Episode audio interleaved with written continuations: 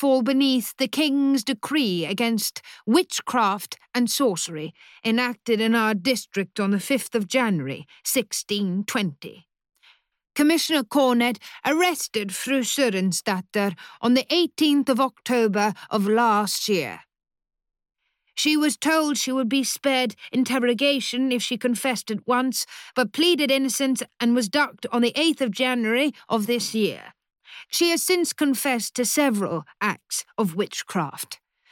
Commissioner Cornet, if you would please rise and read the confession. Someone is making low, soft, animal sounds of distress, and Ursa looks to the other gallery before she realizes it is she herself. She searches again for Maren, but can't find her.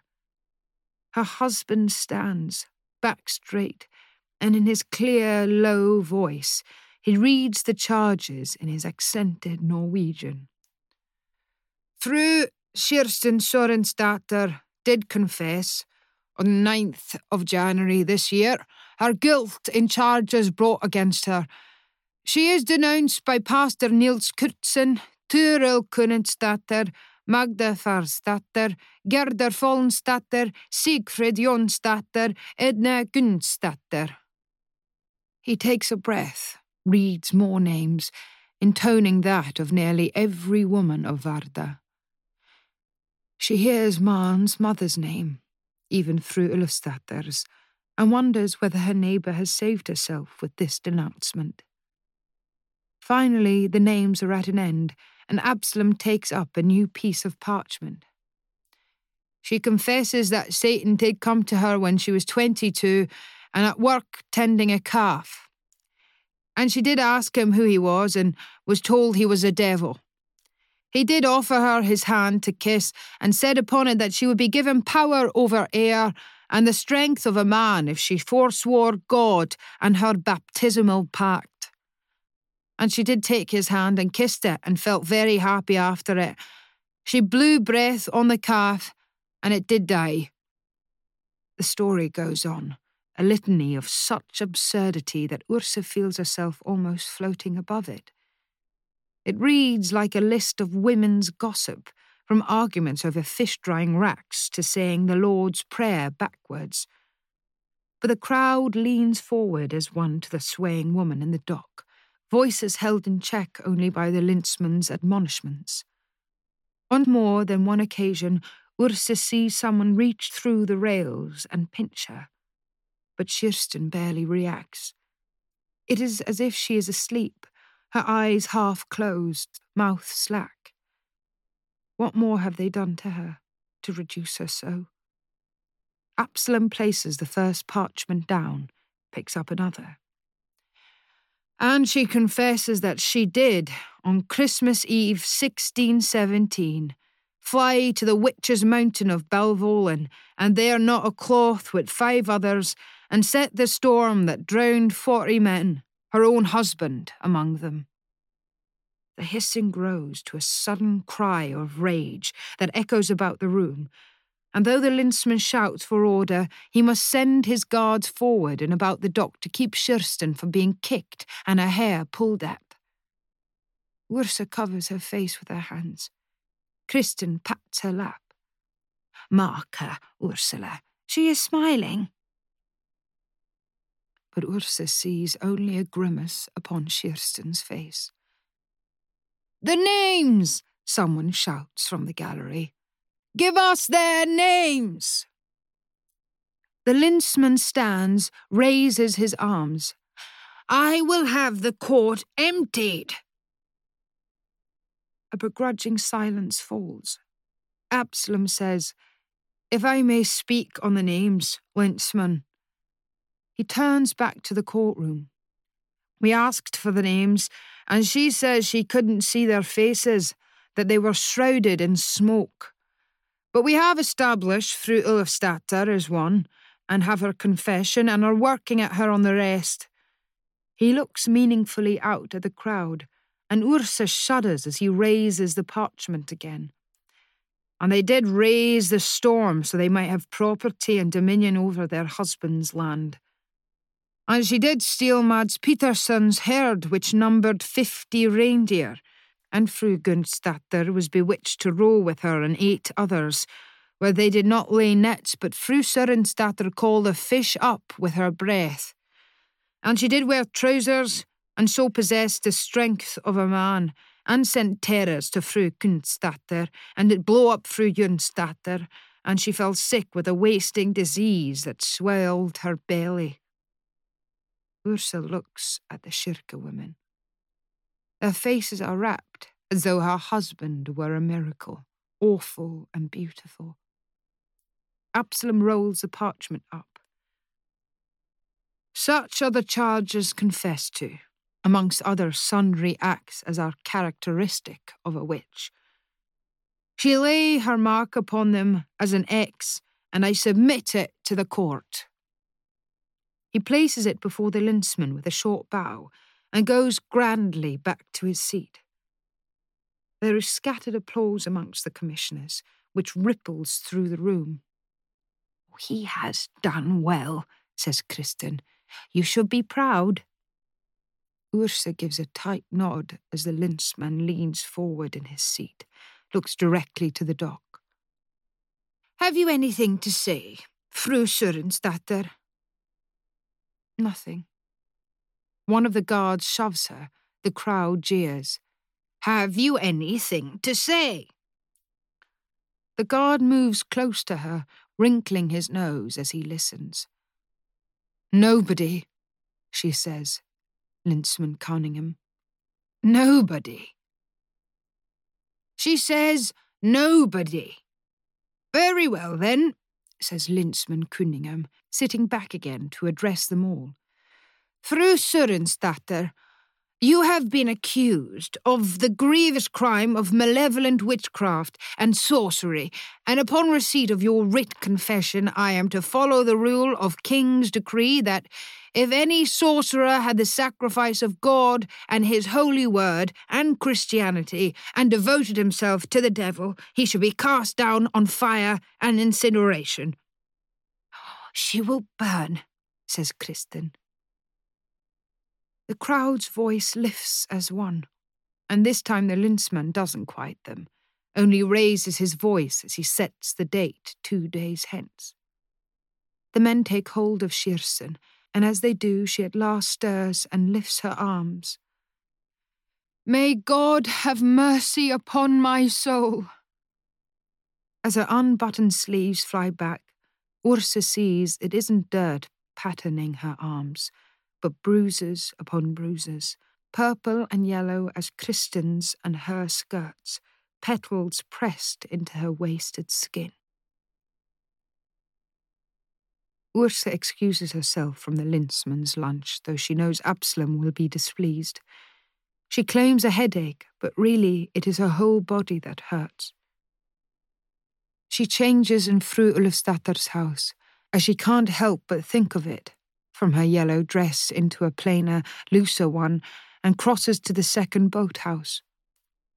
She knocks and, having no answer, lets herself inside Maren's house to wait. She feels calmer already in that room, amongst Maren's meagre possessions, the noise of the courthouse far away. Now that she no longer lives there, it feels more like home than ever. She practices what she will tell Maren, for she is sure she was not inside the courthouse. But when the door opens and Maren enters, the set of her starkly pale face tells her that she already knows what has come to pass.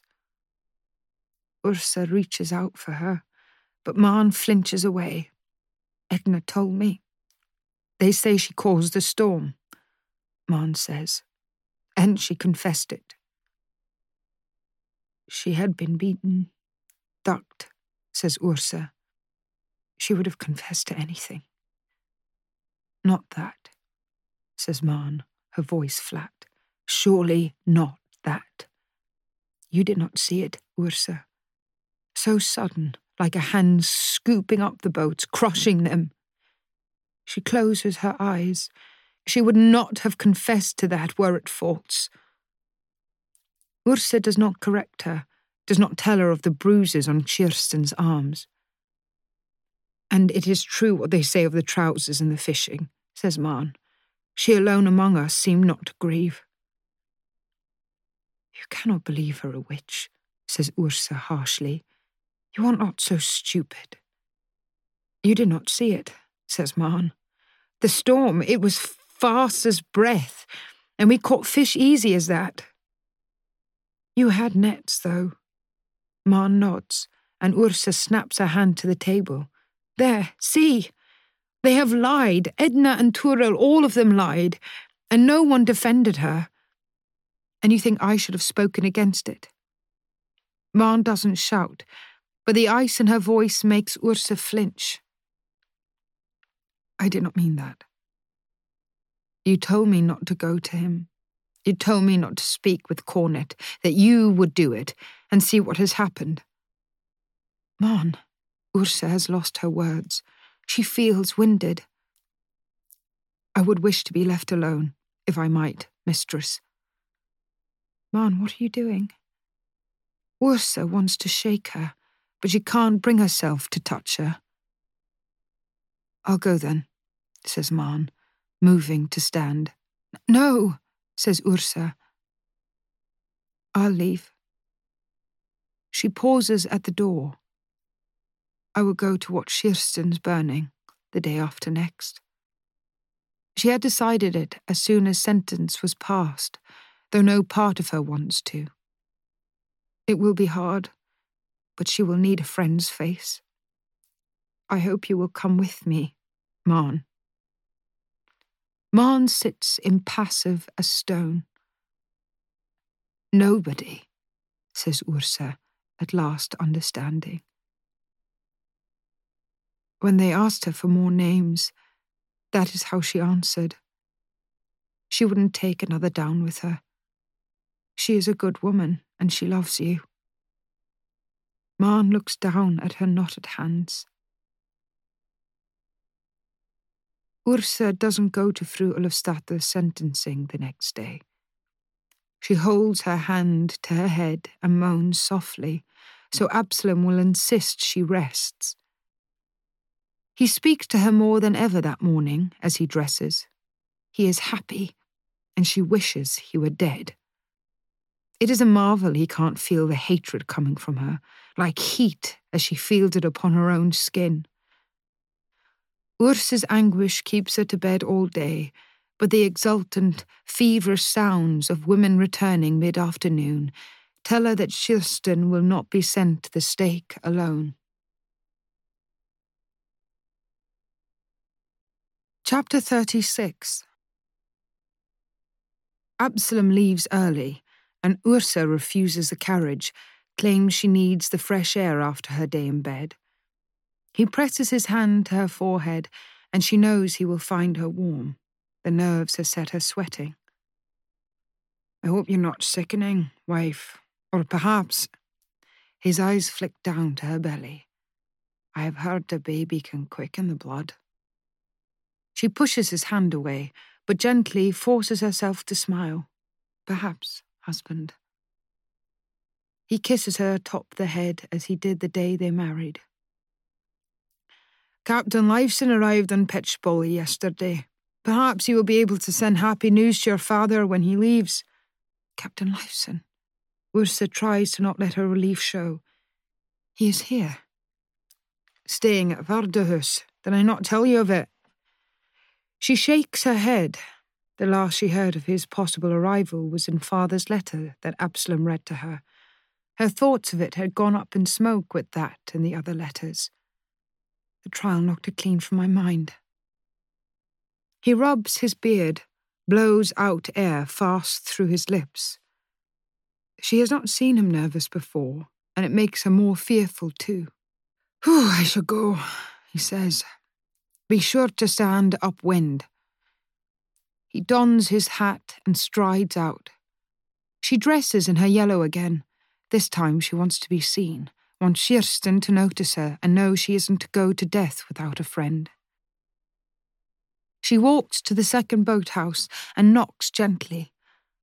For a long moment there is no answer, but then Maren is stepping from it, her face blotchy. They do not embrace, but Maren slips her arm through Ursa's, and they clamp tight together so their hips bump and Ursa's fingers ache from gripping her. The executions are to take place on the scrubby patch of grass behind Vardøhus, where they will be shielded from the worst of the wind and where the most people can gather. The crowd is already massive, swelled with visitors. News of the details of Kirsten's confession has spread across Kiberg and Kirkenes, who also lost men and boats, though not so many. Their faces are intent upon the brow of the small hill, but they part when they see Ursa in her yellow dress. A wooden stake, higher than a man, has been erected at the top of the rise, logs and coarse brushes of shrub placed about its base.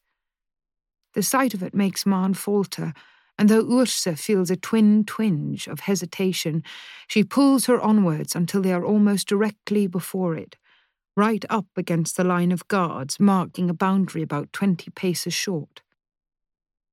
Past this line are Pastor Kurtzen and the commissioners, her husband four amongst them, speaking with the lensman.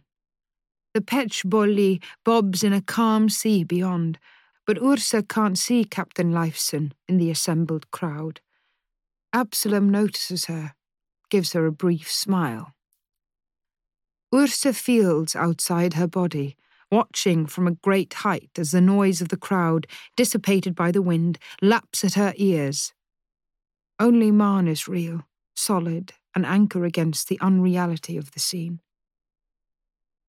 She considers the stake, hewn from a single trunk, its bark stripped so the pulp stands pale and shining as moonlight. What sort of tree had it been? Was it cut exact for this purpose? Brought on her father's ship. Her skin prickles. It must have been sent for months ago. Is that why the Petch Bolli came? She closes her eyes against the horror of the thought and only opens them when Maren murmurs, They are coming. An open cart is pulled the short distance from the castle. through Ulfsdatter and Kirsten bound back to back. A torch burns in the guard's hand, the spark that will start the pyre. Kirsten is facing their direction, and Ursa sees that her hair has been combed and her face washed, and she is wearing, there is a clench in Ursa's chest, Ursa's grey wool skirt. It shows her pale bruised ankles and feet. She wears no shoes. As they come through the crowd, pails of stinking liquid are hurled at them and there is spitting and shouting, but the sounds are no longer laced with excitement as they were before the sentencing. It is anger, pure and fierce, that hounds them to the stake. The crowd jostles Ursa and Maren, but they stay locked together as the women pass the line of guards and are removed from the cart. They are lifted onto the narrow platform. Fru Ulfsdatter is limp and must be held in place as a rope is tied about their waists. She hangs almost in half against it, but Kirsten is straight legged. She looks out to the crowd as more wood and kindling are brought to close the gap left for them to reach the platform. Ursa sees some of her old defiance and stifles a sob. Maren's fingers dig into her hand, and she is biting her lip so hard the skin is broken and bleeding. Kirsten sees them and though they make no gesture at each other, her face loosens a little, and she looks up to the sky. It is right we came, whispers Maren more to herself. It is right we came. She keeps up the whisper as the torch is brought from the cart. They aren't asked last words, nor prayed over by Father Kurtzen. The torch doesn't blow out in damnation of the event. It is simply lowered to the base of the stake, and Ursa can see the bright snake of it slither through the kindling, gathering at the base of the larger logs, striking up and into a full flame. It spreads in a circle about the women's feet, as though in a dance, and Kirsten begins to shift and roll her head as the smoke starts to wash up and over them in waves, snatched at by the wind. Ursa can't look away now, and the crowd is almost silent about her. Fru Ulfsdatter has not moved from her position, slumped over the rope, and even as her hair brushes the flames and begins to catch, she doesn't stir. Ursa prays she is unconscious, perhaps dead already, her lungs thick with smoke. Kirsten, though, seems to be wakened more and more. Her lips are parted, and she may be moaning, her words swallowed up by the wind and the guzzling spit of the fire. Flames are licking the platform, and she lifts one foot, then another. Breathe deep! The call comes from behind them. A solitary woman's voice that Ursa can't place, but that is loud enough for Kirsten to hear. She jerks her head towards the sound, her eyes wide and terrified. Breathe deep, it says again. And this time Ursa follows the thread back into a crowd of kirke women. It cannot be Sigfrid who only two days previously sat baying as Kirsten was accused of cursing her. But Ursa sees Sigfrid call again, tears on her cheeks, and Toril cries out too. The phrase is repeated, thrown up about them in a growing chant of many voices. Ursa remembers herself telling Agneta the same thing, leaning over the vapours bowl. But that was to clear her lungs. This is so Kirsten will cloud hers with smoke, choke herself before the flames scorch her to death. Ursa joins in. All of them are shouting it, calling it to her, accusers and friends alike. They see Kirsten's chest begin to heave, the smoke swirling about her head, tears and sweat pouring down her face. She is speaking words they can't hear, and Ursa feels choked, as though her own lungs are filling with hot, acrid smoke, and Maren's nail breaks through her skin as Kirsten gives out a strangled cry and breathes and breathes and breathes.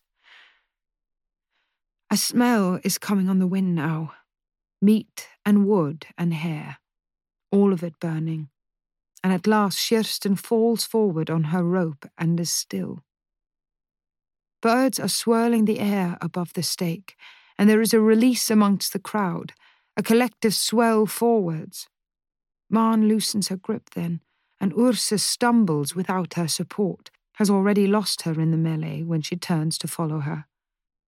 She pushes back against the tide, those further back struggling to see the flame engulfed stake, until at last she breaks from it and is free, and can just spot Maren's narrow body hurrying away.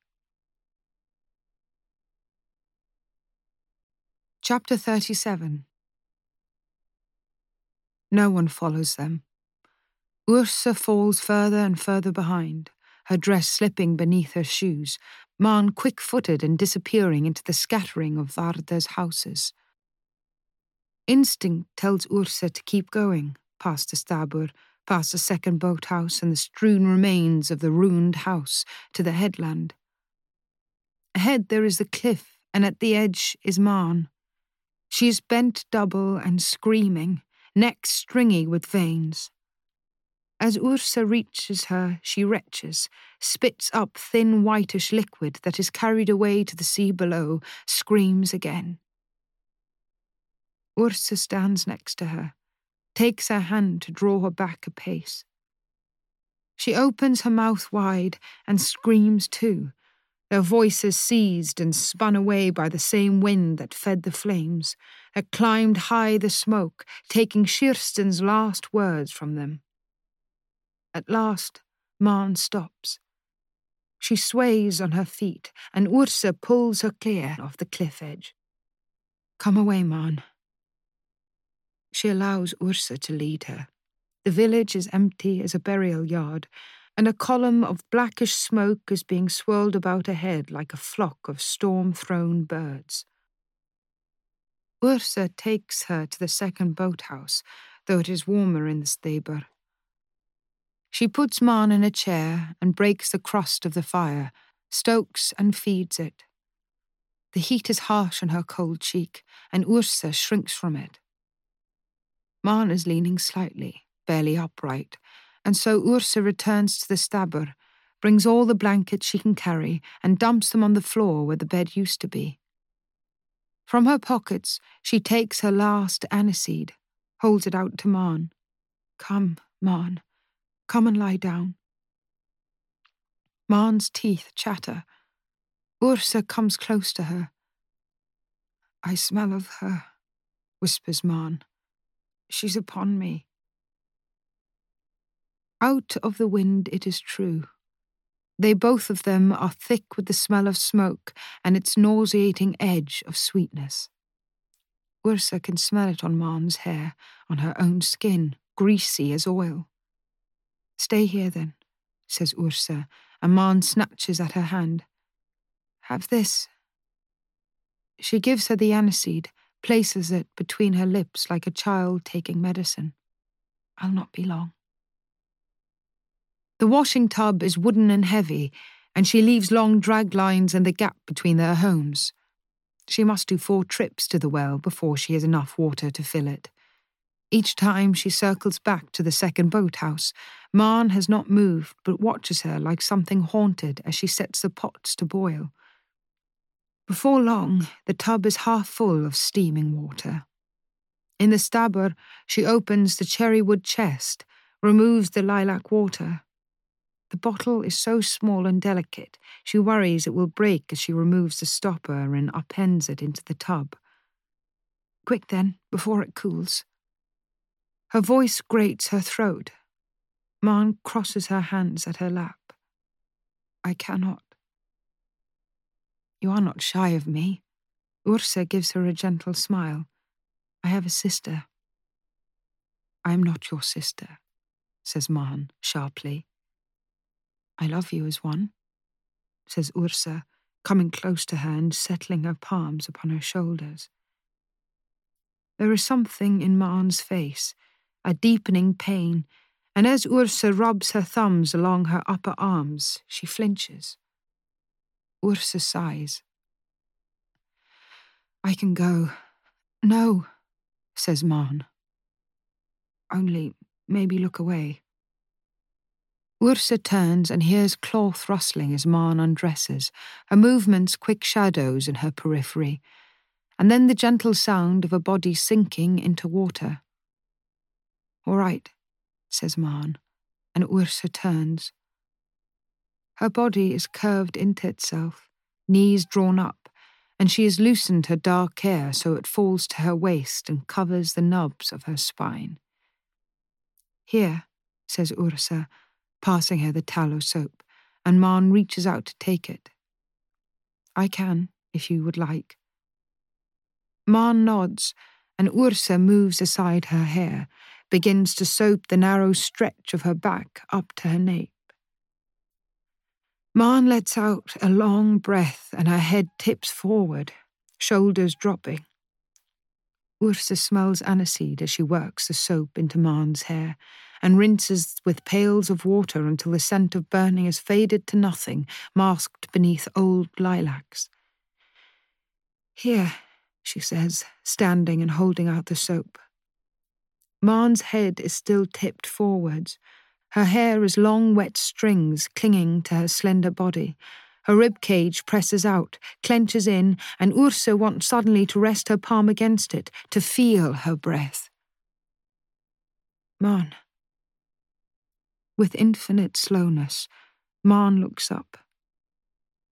There is something in her face Ursa hasn't seen before, or perhaps only not noticed. A hunger. Ursa's hand is still outstretched, holding the soap, and Maren uncrosses her arms, reaches as if to take it. But instead, she takes Ursa's wrist in a gentle hold, so light it is almost not there, brings her lips to it, and kisses it. She looks up at Ursa, who can't move, can barely breathe. Maren shifts in the tub, kneels up. Her body is like nothing Ursa has ever seen, thin and knotted with muscle at her arms and legs, her hip bones sharp against her skin, her hair between her legs and beneath her armpits dark, her breasts small and shining with water. Ursa feels a stab of something low in her belly. Her breath hitches. The want in Maren's face is so naked Ursa knows she cannot deny her. Is this what Ursa has felt in these past months as they have grown so close? Ursa has not named it, is not even certain she can, but then Maren takes Ursa's hands and kisses each wrist with small, light touches. The soap slides from her grip. Ursa feels caught at the wrists and at the legs and chest as Maren lowers her face again and again and at last lets her rest on Ursa's palms. The gesture sends a tremor through her whole body. She pulls her hands away, holds them to her. Maren stays kneeling, head bowed as though in prayer. Her thin shoulders are heaving, and despite her height, she looks slight as a child. Don't be frightened, she says suddenly, though Ursa thinks it is Maren who looks the more afraid. I did not mean to frighten you. Their eyes meet, and Ursa reaches out. She lets her hand rest, not upon Maren's skin, but over it, hovering just at the place where her neck and shoulder meet. She can feel the heat from her. Maren tilts her head and guides Ursa's hand up to cup her cheek. Ursa moves closer, skirts tightening about her knees. She strokes Maren's face up and down, and Maren brings her own hand to Ursa's cheek to match her movement. Ursa turns her head and takes Maren's thumb in her mouth. Maren's whole body shudders in answer, and Ursa feels something white hot pass between them as Maren stands and steps from the bath. She helps Ursa to her feet and moves into the circle of her arms, guiding her until Ursa can feel the hard edge of the table at her back. Maren lifts Ursa's head so their noses touch. Ursa can smell aniseed from her breath, and tallow and lilac from her skin, and something that is only Maren. Her grasp comes sudden, urgent, and she slips her leg between Maren's, pressing her hips forward, skirts rustling. Maren brings her own forwards to meet her. Ursa plucks at her fastening, and Maren steps back, Ursa feels cold air rush at her body where Maren should be, undoes them with trembling fingers. She barely lets her dress drop before they are pushing their bodies together again, only her thin underthings between them now. They kiss, and though Maren's lips are rough, Ursa feels it is the only good and tender thing she has known for months. The desire in Maren's touch is enough to bring her own rising to meet it, and Ursa slides her hand down to Maren's lower back to pull her against her more strongly. Maren trembles and Ursa breaks away, her mouth wide and panting, brings her to the blankets, clumsy in her haste, pulling her atop so their bodies can fit more cleanly together.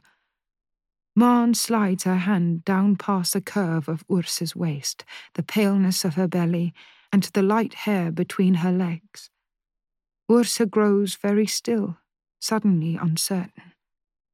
Maren begins to pull her fingers away, but Ursa grabs them and says, No. Only slow, gentle. She does not send her mind flying away. She is only her body, and Maren's hand upon her and in her, and she could weep with the kindness of it, the ache of it. She did not know, she thinks. She did not know it could be like this. Chapter 38 By night time, the haze of Ursa's touch has lifted, and the smell of Kirsten is carried all about her on the air, and Maren can't sleep. The windows of the stabbur are lit, and she wonders if Commissioner Cornet is home again and the thought of him with Ursa makes Maren press the heels of her hands to her eyes until she sees dots of dancing light. She starts her usual route to the headland. The nights will soon shrink again, and it will turn warmer, and everything that seemed dead will grow. but Kirsten will still be murdered.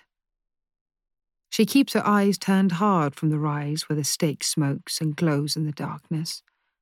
But Ursa, she can hardly trust had happened. Their lips finally touching, the moan in Maren's throat returned. Ursa's skin soft as she'd imagined, like the velvety inside of a flower, if not for the throb of want between her legs, Ursa's yellow dress on her floor, she wouldn't believe it. The villagers are returned, and the houses are full of sound. She thinks of Kirsten's home, full of guards, and all the reindeer braying in the dark. She had been afraid when she heard her friend's confession, and for a moment wondered at Kirsten's guilt. That moment of betrayal is a pain she can't yet access, and she feels adrift inside it. As she passes her mother's house, she sees a shape backlit on the porch, the door open. Mamma? The figure jumps. She had been dozing. Maren moves closer. Her mother is propped against the doorframe. The fire is high behind her, and there is an empty bottle of Papa's Akvavit beside her. You should not have drunk that. It is years past. We were to drink it at your wedding, Mamma says, and her voice is low and thick. She lifts her head to Maren, and it is obvious she has been crying. Maren feels a pointed twist of spite. You should go to bed, Mamma. She turns to leave her, but her mother lets out a wail.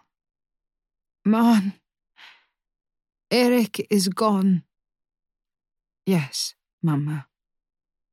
And if you had not spoken against Diinna, perhaps she wouldn't have had to go. No, says her mother. Eric is dead, and your papa, and. She breaks off, hand rising to her head. And you will be too. Maren's breath catches.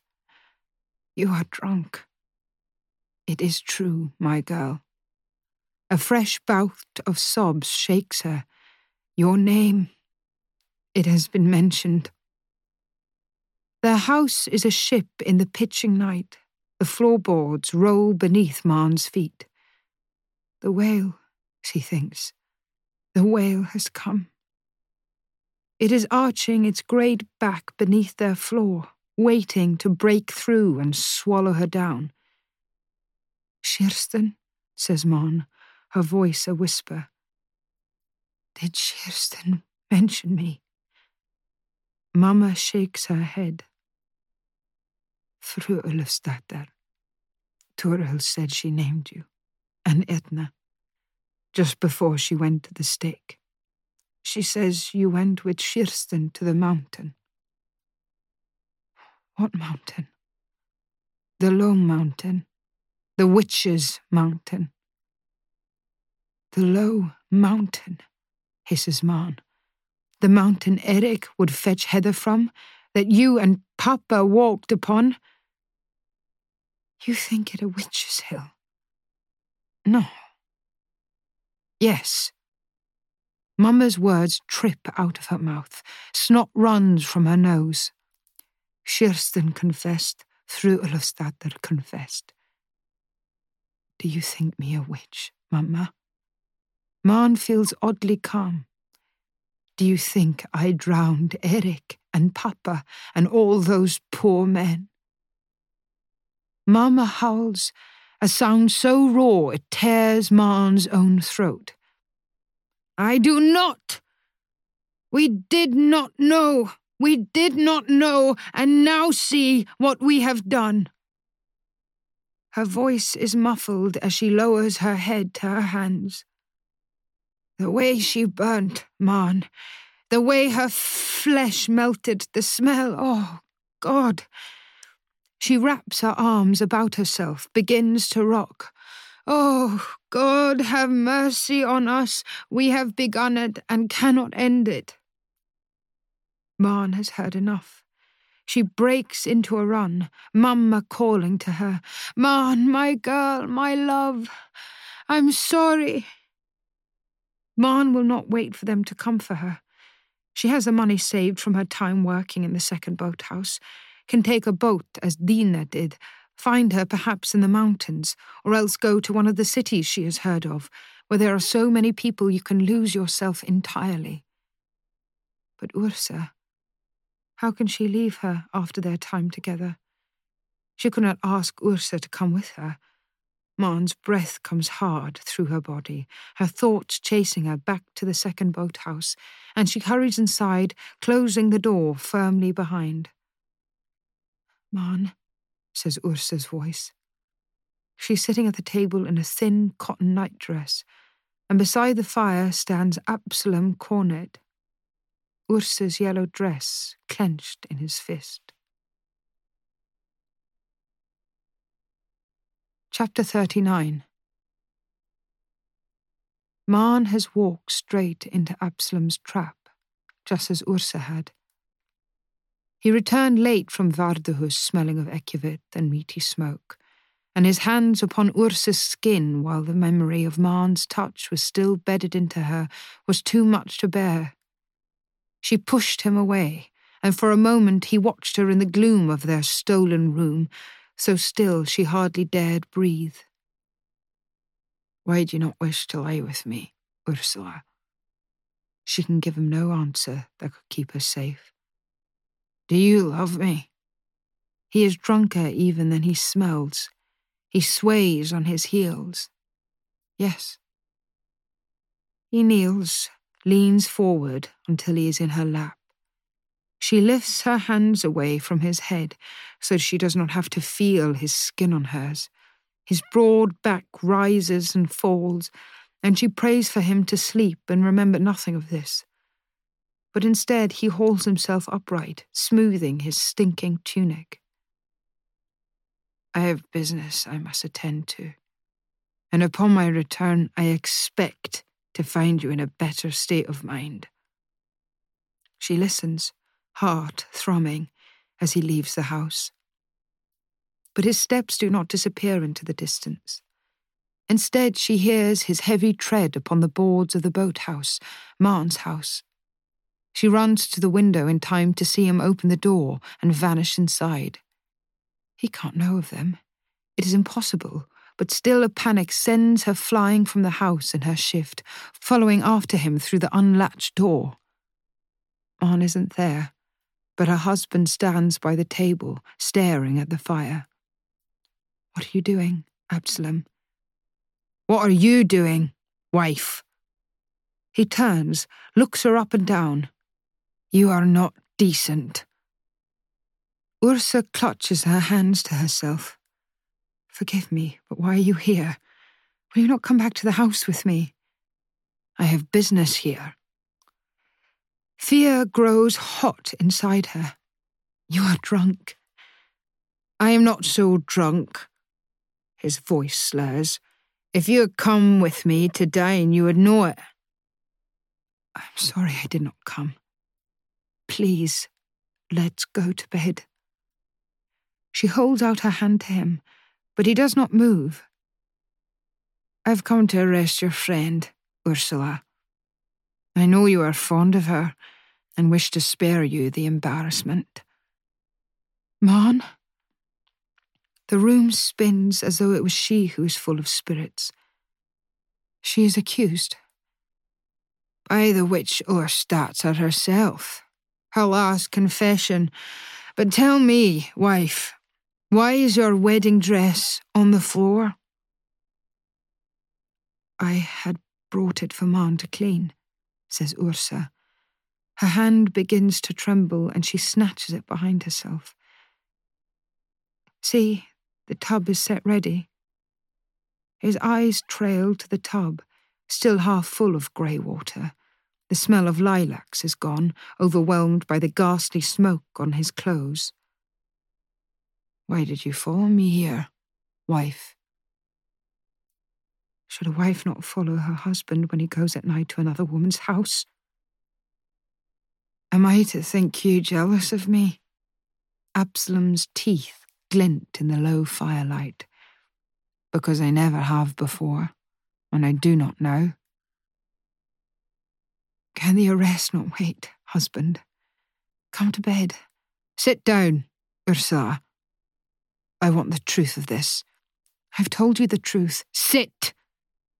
He picks up the soiled dress. No. They don't have to wait long, though to Ursa the minutes seem endless. She prays wordlessly that Maren will not return. Her husband watches her and the door. Maren sweeps inside, and though Ursa tries to warn her, it is too late. Hello, Fru Magnusdatter, says Absalom smoothly. Be seated, please. Maren doesn't move. Commissioner Cornet. He crosses the room in three long strides and pulls back a chair. Maren's knees seem to give way. Ursa can feel Maren looking at her, but she dare not return her gaze. Absalom stares down at Maren, as though she is in a dock. She looks small set against him, a wavering candle against a swallowing dark. Why is my wife's dress upon your floor? Fru Magnusdatter. I was cleaning it, Commissioner. Then why is it upon the floor and but a little wet? It must have fallen from the chair. I was working upon other laundry. Where is the laundry? Maren hesitates, and suddenly Absalom's wide hands reach down and are about her throat. Ursa jumps up, her chair overbalancing and crashing to the floor. Absalom, no! You have bewitched my wife, have you not? Spit flies from his mouth, and his eyes glitter wildly. Maren is making small, crushed noises like a dying bird. He lifts her from the chair and drags her away from Ursa. Tell me! Absalom, she cannot speak. Maren's face is turning puce, and her feet are flailing for purchase on the floorboards. Ursa feels as though she moves through mud, slow and useless as she tears at his fingers. Absalom drops Maren roughly to the floor, knocks Ursa with a hard slap to her cheek that sets her head ringing. Answer me, he says, finger pointed to Maren's heaving body. Answer me. Before Maren can so much as catch her breath, Absalom is upon her again. This time he drags her to the tub, and through watering eyes, Ursa sees him bend Maren bodily over the water and plunge her in face first. Her legs kick out, and Ursa crawls to them, again tries to break his grip, but he is holding grimly, silent now, watching the churning bubbles. You will kill her. Ursa's mind is full of water. She reaches for her fallen chair, brings it crashing down on his back, but it strikes only a glancing blow before breaking to pieces. Absalom roars, and Ursa thinks of going outside and screaming, bringing her neighbours running. But what neighbours are they? None that would take her part over her husband's. Please, Absalom, she cries, pulling at his shoulder with all her strength. You cannot kill her. He slackens his grip and knocks Ursa back again, sending her head against the shelf beside the fire. Maren comes up, coughing and retching, and Absalom turns to Ursa where she crouches, mind spinning with the impact. Ursula, he says, back on his heels, panting. His voice is bewildered. Are you all right? She looks up at him, incredulous, her eyes swimming. He reaches out to her. There is tenderness writ over his face and confusion. She flinches away, grasps for Maren where she lies bucking on the floor. But Absalom stays her with a practised hand on her wrist, and she is forced to look up at him. Something calm and black settles on his face, and it is exactly the look that comes over him when he pins Ursa to the bed, pushes his way inside. He grabs Maren by the hair, twisting his fingers until she moans, water mottling her breath. Do you confess, says Absalom, that you have bewitched my wife, that you have brought the storm with Kirsten Sørensdatter? No, gasps Maren. No. This time, when he dunks her beneath the grey water, Ursa knows all is lost. Her hand reaches for the shelf, closes upon something smooth and cool. She brings it up, arms shaking with effort, and then lets its weight fall full down upon his head. The rolling pin smacks at the centre of his skull. It sounds like a bird's egg cracking, and he lets Maren loose, sways upon his knees. Ursa is dimly aware of Maren scrambling away as she brings it down again, and the sound is moister, less crisp, and his black hair is growing wet, and he is falling forward into the tub. Ursa brings up the pin again, but Maren grasps at her ankle. No. Absalom's mouth is beneath the waterline, which is reddening with his blood. The back of his head is split, and she can see white and pinkness. His left hand is tremoring, fluttering, reaching. She pulls Maren clear of it, both of them crawling, backing away into the blankets where they lay only hours before, their bodies bare and warm. Ursa's teeth begin to knock together, and Maren cradles her, though she is the one half drowned, taking her into her thin body and kissing the top of her head. Let go, Ursa, Ursa drops the rolling pin and it thumps and spins away. Ursa can't see Absalom but for his back. It is unmoving. Of me, too. She loosens her grip and Maren crawls forward, moves to the other side of the tub. Is he? Yes. Oh, God. Oh, God. I did not mean to kill him. It sounds unconvincing, even to herself, though she knows she did not. Not really. Only meant to stop him. She had to stop him. What will I do? Maren does not answer. She coughs up water, then stands unsteadily, staggers to the table. Ursa clasps her knees. She imagines that at any moment Absalom will rear up and seize them. The sound of his skull breaking comes in her ear again and again, and the wet noise as she struck him a second time. The water on his breath as his head fell forward into the tub. She closes her eyes, hugs her legs to her. Her spine is against the hard side of the wall, and she thinks of Agneta, of their backs pressed together as they sleep. Maren turns to her. Her face is different somehow, smoothed. Ursa reaches for her, and she comes, but there is something stiff in the embrace. Maren draws back quickly. Ursa wipes her face. There is blood on her cheeks, and it smears over her hand. Do you trust me? says Maren into the unsteady silence. Ursa looks up at her, at the hard angles of her face. Yes. Go back to bed. Ursa draws away. Go back to bed, Maren repeats, cupping her face as she had when they kissed. What will we do? Can we take the body, hide it beneath the floorboards? No. Drop him in the sea, like Kirsten's runestones. What if we are seen? It will not be easily done. Ursa casts about for another answer, but Maren pushes on. And when the commissioner is found missing, there will be questions upon questions. Then what? Ursa's mind is clouded, full of blood and the sound of cracked bone. Maren's expression is so sad Ursa's own chest aches. I'm going to go away, Ursa. Go away like Diinna, and they will find his body and think I did it. They will kill you. I am mentioned. Ursa feels a bloom of pain in her chest. She had forgotten the reason for her husband's visit to the boathouse. It's all lies. That didn't save Kirsten. Maren's eyes flutter shut. Her eyelids are thin and pink, and Ursa wants to press her lips to them. I can't stay, but you must go now before anyone sees. I will come with you, says Ursa, grasping for her hand. Maren looks her full in the face.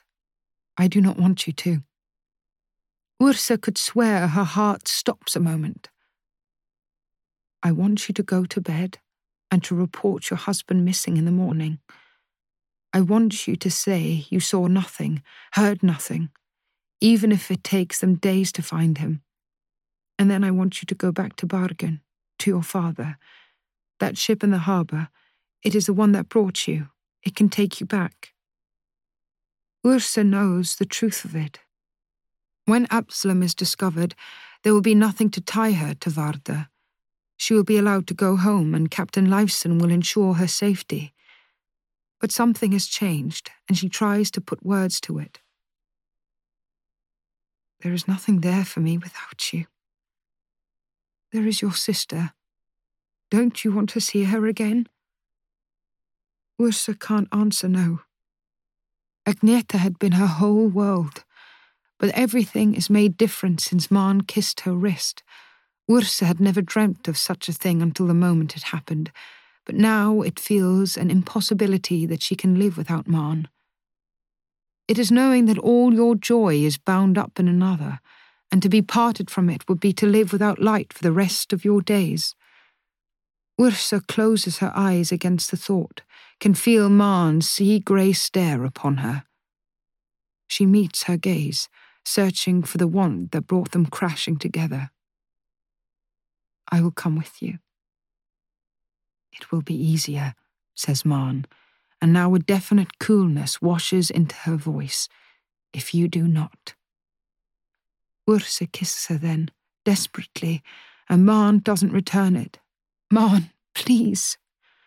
Go, Ursa. We will lose the night. Burn your night dress, wash your face. I love you, says Ursa.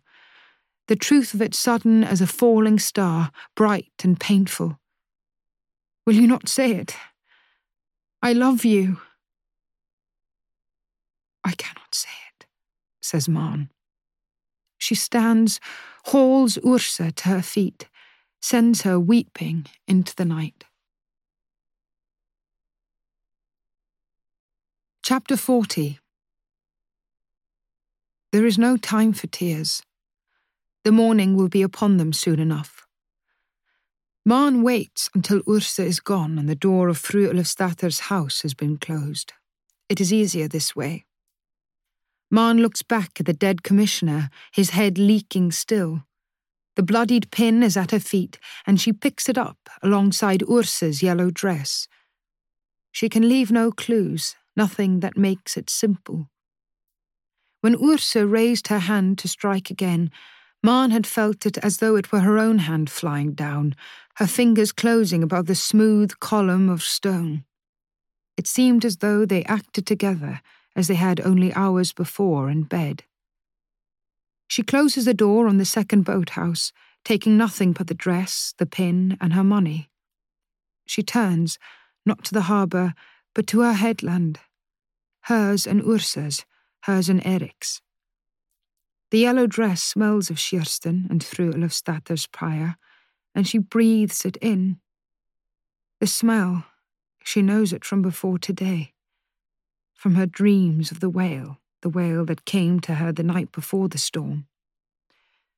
She remembers lying stretched across it as it was taken to pieces. She remembers its blubber burning in lamps before it even stilled. It feels now like a warning she will not let herself be caught. She had decided this the moment her mother told her she was mentioned. She will not let herself burn, live long enough to smell her own body blazing. She is alone as she walks the familiar path between the houses. She knows she is rare in not favouring the months of the midnight sun, but she can never be truly settled in that half light.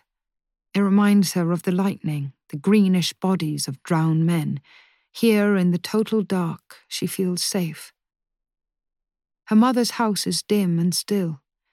She prays for her name to be kept out of the mouths of condemned women, prays for them all Edna and Gerda, even Toril and Sigfrid. It is too much death. It will end with her. It must. She keeps her head down as she passes Boer Rungvilson's ruined house and boat, not looking ahead, watching for the changing ground, the lifting wind that means she is where the island stops. The sea slaps against the jagged rocks, and she can taste the salt of it, mingling with the aniseed, sloughing the bitterness of the dirty water the commissioner held her in. Here, where the current carries out to the northernmost places, where Ursa told her there is a black rock that sucks all towards it, she prays even for him. She sets down the pin and steps into Ursa's yellow dress, the one she first saw her in, first touched her in first kissed and knew her to be as much hers as Maren was Ursa's. It is large, even over her clothed body, and as she'd run her fingers over Ursa's belly, her breast, she had felt it and known the reason the fastenings were loosed and loosed again. The hardening of the flesh, the making of space. A baby will protect her. It is another reason she couldn't bring her nor imagine any end but this. She throws the pin into the sea. She could follow, easy as a step. She would not float like poor Kirsten. She would sink, just as in her dream, to the bottom. The sharp rocks that snagged their men would pierce her, and then the sea would take her, and if not the rocks, the sea alone, all the way to the end of the world. She always thought that is all there is, all there was for any of them in this place. But now she remembers past the wail, past the drowning, to the rising at the end of her dream. The air is cool at the back of her throat. The money is heavy in her pocket. She looks ahead to where the low mountain looms. As she steps forward, her thoughts are of Ursa, how she was the first and only one to ever know her how that is enough. Historical note On the 24th of December, 1617, just off the coast of the island of Vardø, Norway's northeasternmost point, a storm lifted so suddenly eyewitnesses said it was as if it were conjured. In a matter of minutes, forty men were drowned, in this already remote and underpopulated place, it was a catastrophic event. This was a time of great change in the country. Then Denmark Norway, King Christian IV, almost halfway through his 59 year reign, was growing increasingly desperate to make his mark on the world. He had won some indecisive victories at his borders, but his attention was turning towards what was within his rule rather than without it. A strict Lutheran, he wanted to establish his church more fully and finally drive out the Sami influence in his country's far northern reaches, especially Finnmark, a vast, wild, largely ungoverned area.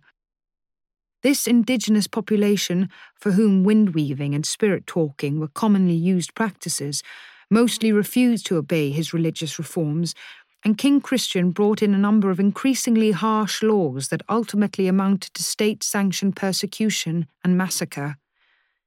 He was aiming at a singular, unified society that conformed to his view of the world, as embodied in his church.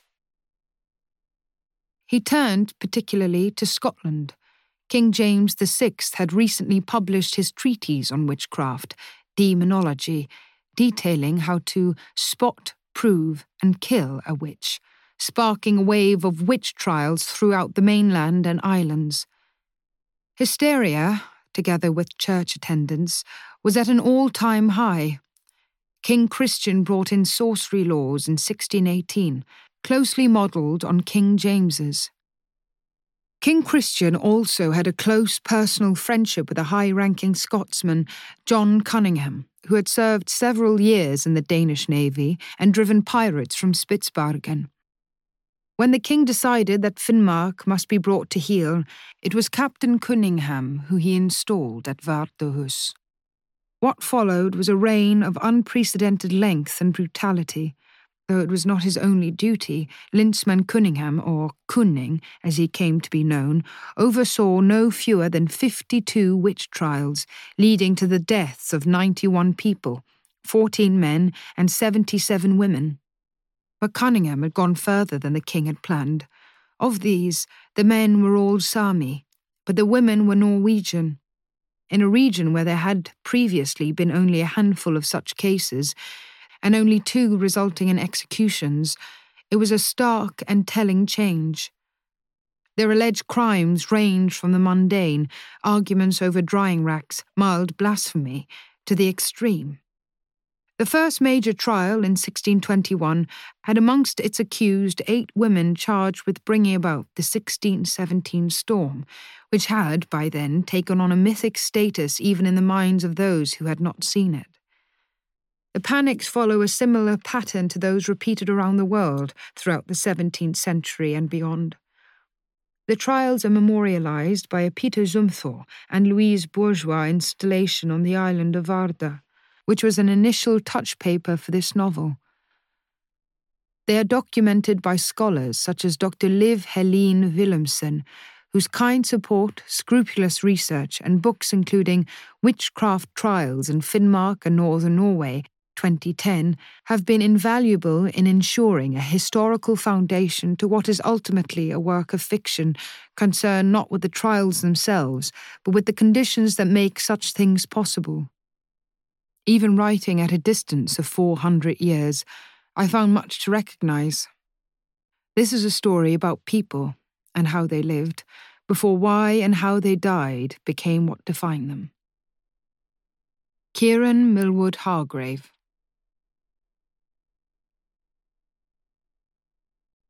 This was an audio production of The Mercies by Kiran Millwood Hargrave, read by Jessie Buckley published by Picador, an imprint of Pan Macmillan, a division of Macmillan Publishers International Limited. Text copyright